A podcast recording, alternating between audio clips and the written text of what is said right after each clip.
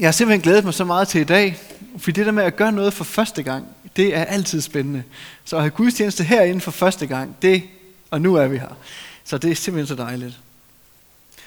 Og øh, jeg vil gerne sige noget omkring det at være skabt til livet midt i stormen. Fordi livet er udfordrende. Vi skal ikke prøve at lade som om det ikke er. Og øh, livet er nogle gange et stormvejr. Og der er mange forskellige ting, som kan gøre det vanskeligt at leve og gøre, at livet opleves som et stormvejr. Ting, som vi oplever, der ligesom kræves af os her i livet, hvor man bare ikke kan få enderne til at nå sammen. Og når man ligesom står der, så kan man ligesom brug for at vælge en eller anden strategi for sit liv. Og jeg har øh, to forskellige strategier, man kunne vælge her. Det ene, ikke? Det er det første. Never give up. Den stakkels frø, ikke? Oplever på en eller anden måde at blive slugt af livet, men giver aldrig slip. Man skal bare, du skal gøre det mere, du skal tage dig mere sammen, du skal bare kæmpe hårdere, så skal det nok lykkes. Det kan også være, at man skulle vælge at hive det hvide flag, og så give op. I dag så skal vi se på, at det at give op, det faktisk er det helt rigtige at gøre. Vi skal give op. Vi skal give op på, at vi kan klare det her liv i egen kraft. For det er når vi giver op, at Gud kan komme til. Når vi selv vil, så kan han ikke komme til på samme måde, som han kan, når vi giver op og beder ham om at komme til. Og Gud han vil meget gerne komme til i vores liv. Han vil meget gerne komme og fylde os med liv. Og han vil bruge os også til at bringe liv til andre. Så det bedste vi kan gøre, det er at give op. Jeg ved ikke, hvordan det lyder i dine ører. Jeg synes, det lyder øh, et eller andet ting. Ah, kan det være sandt? Samtidig synes jeg også, der er noget, hvor det lyder meget frisættende. Nej, tænk man, at man kan give op. For nogle år siden, så havde jeg sådan et øh, forløb med nogle mænd i byens valgmyndighed, der hvor jeg er præst. Og så inviterede vi sådan en psykolog, øh, en terapeut til at komme og sige noget til os, der hedder Peter Damgaard. Og jeg har taget et billede med, bare fordi han ser simpelthen så rar ud, så jeg kunne slet ikke ikke tage et billede med af ham. Og, øh, og han har arbejdet som terapeut igennem hele hans liv, og i USA og i Danmark, og utroligvis nok den viseste, jeg kender på det her område. Og så sad han der og løst ud af hans visdom, og så øh, sagde han på et tidspunkt, hvis der er én ting, livet har lært mig gennem alle de her år, så er det det her. Jeg kan godt sige, at der sad vi helt ude på kanten af stolen, klar med blokken og skrev ned. Og så sagde han, du kommer citatet. Det er ikke nemt at være menneske. Jeg havde håbet, der kom et eller andet med lidt mere kød på, men det var det, han havde lært efter alle de år. Det er ikke nemt at være menneske. Og der er mange forskellige ting, der kan gøre, at livet opleves vanskeligt. Der er mange ting i mit liv, som gør, at det opleves som et stormvær nogle gange. Og en af de ting, som øh, opleves som stormvær i mit liv, det er min idé eller min optagethed af, hvad andre tænker om mig. I vandring mod det at blive voksen, så noget af det, jeg har været er blevet opmærksom på, det er, hvor utrolig meget det fylder hos mig, hvad andre tænker. Så når jeg går ind i et rum, så går jeg ikke bare ind i et rum. Så går jeg ind i et rum, og så tænker jeg, kan vide, om de nu så, jeg kom herind. Kan vide, om de synes, det var godt, eller det var træls, at han kom derind. Sådan en eller anden tanke, motor, der bare kører hele tiden, kan vide, hvad de andre tænker om mig. Så hvis jeg er sammen med nogen, jeg ikke kender, så tænker jeg, kan vide, hvilket indtryk jeg gør for dem. Og selv når jeg er sammen med mine venner, dem der kender mig, så kan jeg også tage mig selv i at sidde og tænke, kan vide, hvad de synes om mig. Så om jeg nu lever op til andres forventninger, vel at mærke, hvad jeg tror, de tænker om mig, det, kan, det skaber storm i mit indre. En anden ting, som også kan skabe uvær hos mig, det er sådan min idé om, hvad det er, jeg gerne vil leve op til på forskellige områder. For eksempel i det at være en ven. Og være en god ven. Jeg har en ven, som øh, har det vanskeligt i tiden, og han er flyttet til Jylland, og han vil ikke bruge computer, og han vil ikke bruge telefon. øh, og mails og den slags. Så det er meget vanskeligt at være en god ven for ham i den her tid. Og mit billede af, hvad en god ven er, det lever jeg slet, slet ikke op til. Det synes jeg er vanskeligt. Det skaber uvær i mit liv. Jeg lever ikke op til mine egne forventninger på alle mulige områder. Eller når mine forældre de tager en beslutning, som jeg ikke forstår eller jeg er uenig i. Eller når de ikke lever op til mine forventninger af, hvad forældre skal være, så skaber det uvær. Det gør det vanskeligt.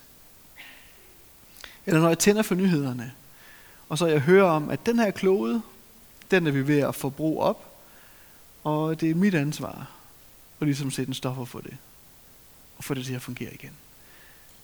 Så skaber det uro i mig. Så livet er udfordrende på så mange områder, og det kan nogle gange være svært at få enderne til at nå hinanden. Nu skal vi læse en tekst fra Bibelen, hvor Jesus han møder en kvinde, som på mange måder oplevede det her uvær i sit liv. Så Jesus taler med hende, og lige der, midt i hendes uvær, så giver Jesus hende et helt fantastisk løfte. Og vi skal læse øh, fra Johannes evangeliet, kapitel 4. Og Jesus han er går rundt og underviser og snakker med folk. Og så står der sådan her.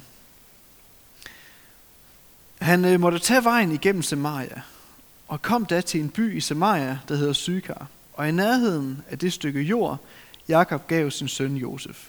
Der var Jakobs kilden. Og træt af vandringen satte Jesus sig ved kilden. Det var ved den 6. time. En samaritansk kvinde kom for at hente vand, og Jesus sagde til hende, giv mig noget at drikke. Hans disciple var nemlig gået ind til byen for at købe mad.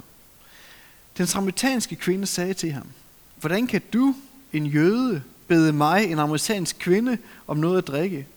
Jøder vil nemlig ikke have med samaritanere at gøre. Jesus svarede hende, hvis du kendte Guds gave, og vidste, hvem det er, der siger til dig, giv mig noget at drikke, så vil du have bedt ham, og han vil have givet dig levende vand. Kvinden sagde til ham, Herre, du har ingen spand og brøndende dyb. Hvor får du så levende vand fra? Du vil ikke større end vores far Jakob, som gav os brønden og selv drak af den, ligesom hans sønner og hans kvæg. Og Jesus svarede hende, En hver, der drikker af dette vand, skal tørste igen. Men den, der drikker af det vand, jeg vil give ham, skal aldrig i evighed tørste. Det vand, jeg vil give ham, skal i ham blive en kilde, som vælger med vand til evigt liv. Og kvinden sagde til ham, Herre, giv mig det vand, så jeg ikke skal tørste, og gå herud og hente vand. Og han sagde til hende, gå hen og kald på din mand, og kom herud. Kvinden svarede, jeg har ingen mand. Og Jesus sagde til hende, du har ret, når du siger, jeg har ingen mand, for du har haft fem mænd, og den du har nu er ikke din mand. Der sagde du noget sandt. Og kvinden sagde til ham, Herre, jeg ser, at du er en profet. Så her har vi den her kvinde ved brønden, som på mange måder er i et stormvær i hendes liv. Der stod den her kvinde, gik ud til brønden på den 6. time, og det har formentlig været på det varmeste tidspunkt på dagen. Og det er altså ikke på det tidspunkt, man går ud og henter vand. Man går ud og henter det meget tidligt om morgenen eller sent om aftenen, hvor det er køligt i den her del af verden. Men hun gik derud på det varmeste tidspunkt. Og det har formentlig været, fordi hun skammede sig over det liv, hun levede. Fordi de andre kvinder ikke ville ses med hende. De kunne ikke respektere, sådan som livet havde formet sig for hende. Hun kunne ikke leve op til forventningerne, som de andre havde til hende. Og hvad med hendes egne forventninger til sig selv? Jeg ved ikke, om øh, der er nogen af jer, der har en forventning om, når man går ind i et ægteskab, så øh, tænker man, ved du hvad, du er bare den første af en 4-5 stykker, så lad os bare nyde det, så længe det var. Nej, når man går ind i ægteskabet, så går man jo ind, fordi man tænker, det skal være os. Det var hendes forventning. Det er det nu, og det var det i særdeleshed dengang i Palæstina for 2000 år siden. Så den forventning, hun selv havde til livet, kunne hun ikke leve op til. Hele den her scene, hvor Jesus og kvinden sidder sammen, levede på ingen måde op til datidens forventninger. Der var en samaritaner, der snakkede med en jøde, de ville ikke snakke sammen, fordi jøder ville ikke snakke med samaritanerne. Hun var kvinde, han var mand, det gør bare det hele endnu værre. På ingen måde er det her scenarie noget, der ligesom passer ind i forventningerne. Men her har vi kvinden, der sidder ved den her brønd sammen med Jesus. Og Jesus, han ser hende. Han ser hendes stormvær, der følger hende hver eneste dag. Han ser hendes brudhed. Og midt i alt det, så giver Jesus hende et løfte. Og siger, jeg vil give dig noget vand, så du aldrig skal tørste igen. Ja, jeg vil give dig noget vand, som i dig skal være et vandværk, som skal være en kilde, som skal give vand til andre. Jeg synes, det er helt vildt at tænke på, at Jesus sidder her med den kvinde og ser hendes brudhed. Og i den situation siger han, jeg vil give dig noget som mætter, og jeg vil i dig sørge for, at mange kommer til at opleve velsignelse. Det giver så meget håb, at Jesus ikke sidder og snakker med en eller anden supermand, der virkelig har fået det til at lykkes, og så man får det her løfte. Nej, Jesus han ser hende. Og han ser også alt det brudte i hendes liv. Og jeg tror, det er, jeg synes, det er så godt, han siger, at han ser brudheden. For ellers så kunne hun bare sidde tilbage. Men Jesus, hvis du vidste om mig, så tror jeg måske ikke, du vil sige sådan. Men Jesus siger, jeg ser dig, og jeg ser dit liv, og jeg siger det her til dig. Det er som om, at Jesus han ser igennem eller forbi alt det der synlige ydre, der er. Og så rækker han lige ind igennem det hele og taler til noget i hende, som er langt dybere end den der brudhed. Og han vil give hende noget, som er effektfuldt i hende. Uanset hvad hun er lykkedes med, eller hvad hun ikke er lykkedes med. Jeg synes, det er så skønt. Specielt for alle os, der kender en brudhed. Det tror jeg, vi alle sammen gør. Men hvordan kan det lade sig gøre, at det her liv kan strømme ind i hende? Og at det liv kan blive til liv for folk omkring hende? Det kan det, fordi at Jesus han leder os tilbage til den kilde, som alt liv udspringer fra. Jesus han leder os ind i en relation med Gud. Det var hele missionen med Jesu liv. Og med Jesu liv, der viste han, hvordan det ser ud, når vi er helt forbundet med Gud og lever ud af den relation. Det kan vi læse om, når vi læser hans liv. Og i påsken, gennem Jesus død og ved hans opstandelse, der genetablerer Jesus den her relation med Gud for os alle sammen. Og i påsken, der viser Jesus os, at vejen for et hvert menneske, vejen for en kristen, det er at give op og overgive sit liv i Guds hånd. På en måde kan man sige, at Jesus han hænger på det der kors som en taber. I menneskers øjne. Men han havde fuldstændig overgivet sit liv i Guds hånd. Og derfra udspringer der liv til alle mennesker. Jesus overgav sig selv til Gud, og vi er skabt til at overgive vores liv til Gud. Og det starter en eller anden måde med at give op. Jeg synes, det er vildt udfordrende at tænke på, at der er en del af missionen for det at være menneske. Og acceptere, at vi skal give op. Ikke at vi skal give op på livet. Slet ikke. Men vi skal give op på, at vi kan lykkes med at blive menneske i egen kraft. Give op og tillid til, at Gud, han kan gøre det i os. Det er ligesom en ny fødsel. Ligesom noget nyt, der skal begynde, eller der skal startes. Og på en eller anden måde, så bringer det os tilbage til hvor det hele startede. Med skabelsen. Når vi læser i skabelsen, så kan vi læse, at Jesus, Gud han siger sådan her, lad os skabe mennesker i vort billede, altså i Guds billede, så de ligner os. Så vi mennesker, vi er skabt til at afspejle Gud over for hinanden. Og i Jesus ser vi, hvad det betyder. Jesus han siger selv, den der har set mig, har set Gud. Så der kan vi se, hvad det betyder, at vi mennesker skal ligne Gud. Jesus han var forbilledet for os. Men vi gør det ikke helt ligesom Jesus. Jeg synes, det her billede, det er fra Michelangelo inde i Peterskirken i Rom. Og det er jo Gud, der ligesom strækker sig ud for ligesom at skabe mennesket. Ikke? Og jeg synes, det er interessant, at Gud, det ligner virkelig, at han gør sig umage. Og mennesket, hvad er menneskets attitude? Altså sådan orker næsten ikke. Sådan at, at strække armen ud til Gud. Ikke?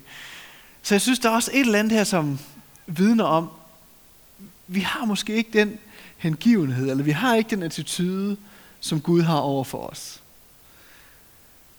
Vi er mennesker, men vi er på vej. Vi kan være på vej i det. Vi er ikke Gud. Men Jesus han genetablerede den her relation med Gud, som vi var tænkt til at leve i fra skabelsen. Og Jesus siger, han hjælper os på den her vandring. Og hvis man tænker over det her med, at vi er skabt til at ligne Gud, til at afspejle Gud, så er det jo ikke så underligt, at vi går efter perfektion. Så er det jo ikke så underligt, at vi er ambitiøse. At vi ønsker at være den bedste ven, fordi vi er skabt til at afspejle Gud. Det er ikke så underligt, at vi har lyst til at gøre noget ved den her klode. Vi har lyst til at redde den. Fordi ham, der skabte den, han har omsorg for hele jorden. Og ønsker at gøre noget ved den.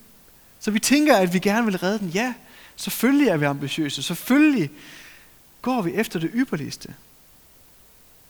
Så jeg tror ikke altid, det er forventningen, der er noget galt med. Nogle gange kan vi måske snakke om, hvilke forventninger er gode at være ambitiøse? Hvilke forventninger kommer ikke fra det at være menneske? Så jeg tror ikke altid, det er ambitionen, som der er noget galt med. For vi er skabt til at afspejle Gud. Jeg tror nogle gange, at ambitionerne faktisk kan være gode. Men vores forventning til, at vi kan indfri det, vi længes efter i egen kraft, det kan vi ikke. Men Gud han ønsker at komme til, og han ønsker at gøre det i os, og han ønsker at gøre det igennem os. Men det starter på en eller anden måde med, at vi giver op.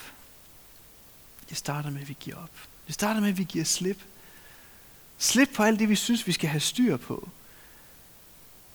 I tillid til, at Gud har styr på det. Der er en amerikansk præst, som jeg synes siger det meget godt. God is in control, so you don't have to. Jeg synes, der er så meget frihed og lethed i det. Men det hele ligger og vipper på den der tillid. Tror vi på, at han har styr på det? Jeg tror ikke alt, der sker, sker som Gud han ønsker det. Men jeg tror aldrig, han slipper det. Det er den fortælling, vi læser i Bibelen. Det starter med, at vi giver op på, at vi selv kan. Jamen, og så kan man tænke, jamen, kan man godt komme til Gud, og så sige, Gud, jeg giver op. Jamen bliver Gud ikke skuffet, så kommer on, du kunne da have gjort det lidt bedre end det. Prøv at se, hvordan Jesus han møder den her kvinde ved brønden. I den her brudhed. Han møder hende ikke med de forventninger, som andre mennesker mødte hende med. Slet ikke. Han så hende. Han så ikke hendes CV eller alle de flotte ting, hun kunne. Han så hende. Og hun var bevidst om hendes brudhed, og hun var klar til at gribe ud efter noget. uden for sig selv. Det er faktisk et smertefuldt sted at stå og opleve, at jeg har brug for noget uden for mig selv. Det er et vanskeligt sted at stå, men det er også et godt sted at stå. Fordi derfra kan der ske så meget godt, fordi Gud er god. Så kan man godt sidde og tænke, jamen, hvordan kan det blive til liv for mig, at jeg giver op? Altså, det giver ingen mening. Men når vi stopper med og prøver at gøre os fortjent til at blive elsket, men finder ud af, at vi allerede er elsket, så drikker vi af kilden. Eller når vi stopper med at overbevise folk eller os selv om, at vi er værdifulde, men finder ud af, at vi er uendeligt værdifulde i Guds øjne. Og lytter til den stemme, og lader det få lov at synge ind, så drikker vi af kilden. Eller når vi stopper med at spørge os selv, er vi gode nok? Er det godt nok? Og vi hører, at Gud han siger, jeg ønsker at bruge dig fuldstændig som du er. Bare brug det, som du har fået givet. Det er det. Så drikker vi af kilden. Og når vi lytter til Gud, når vi er sammen med ham, så har vi fundet hjem. Og så kan vi opleve, at der er hvile, at der er liv midt i stormen. Så det bliver til liv for os selv. Jamen, hvordan kan det så blive til liv for folk omkring os? Hvis du har oplevet, hvordan det er liv for dig, den her et område, opleve at være elsket, så har du noget at fortælle, et håb at give videre til andre. Det er liv. Jeg tror også nogle gange, så bruger Gud os. Hvis vi ønsker, at han må få lov at flytte ind, så flytter han ind. Og så virker han også igennem os, også nogle gange uden vi ser det. Men i tillid til, at han er i os, fordi vi ønsker det, og han bruger os. Så nogle gange ser vi det ikke, men jeg tror, han bruger os til at bringe liv til hinanden. Jeg tror også, det sker ved, at nu mere vi er sammen med Gud, som er kærlighed, nu mere former han os, så vi bliver mennesker, formet af kærlighed. Så vi bliver mindre optaget af os selv, bliver bedre til at lytte, mere opmærksom på hinanden. På den måde bringer det liv til andre. Jeg tror også nogle gange, så kan det ske overnaturligt. Måske ved, at Gud, han, vi oplever, at Gud deler et eller andet med os, vi skal dele til hinanden. Eller at vi beder for en, hvor Gud får lov, Gud kommer til på en kraftfuld måde, hvor det er tydeligt. Det her, det er ikke os selv, det er bare Gud, der kommer til. Jeg tror, det kan ske på mange forskellige måder. At vi, at Gud i os og igennem os ønsker at velbringe liv til andre.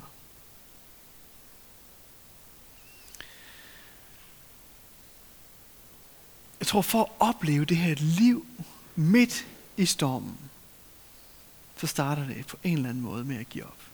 Det er startlinjen. At vi ønsker, at Gud må komme til. Det betyder ikke, at vi skal stoppe med at være ambitiøse. Men der er en ting, vi skal være mere ambitiøse om end noget andet. Og det er omkring vores vandring med Gud. At lære ham at kende, lytte til ham og suge til os af det, han siger til os, og det han vil være. Jeg tror, når vi gør det, så vil vi opleve liv midt i stormen. Det er hans løfte til os. Skal vi ikke bede sammen?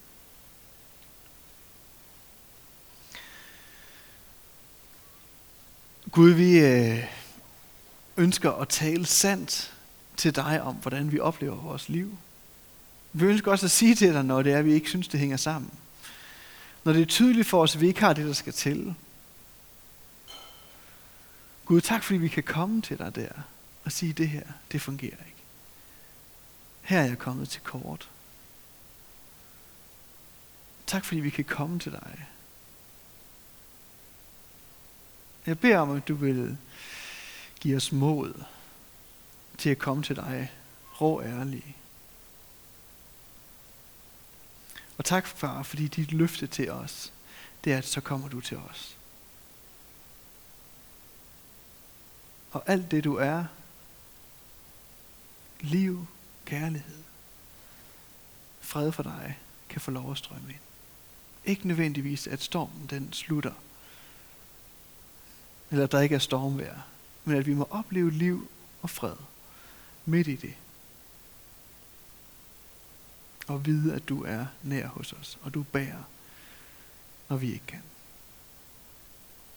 Tak for, at det er så. Amen.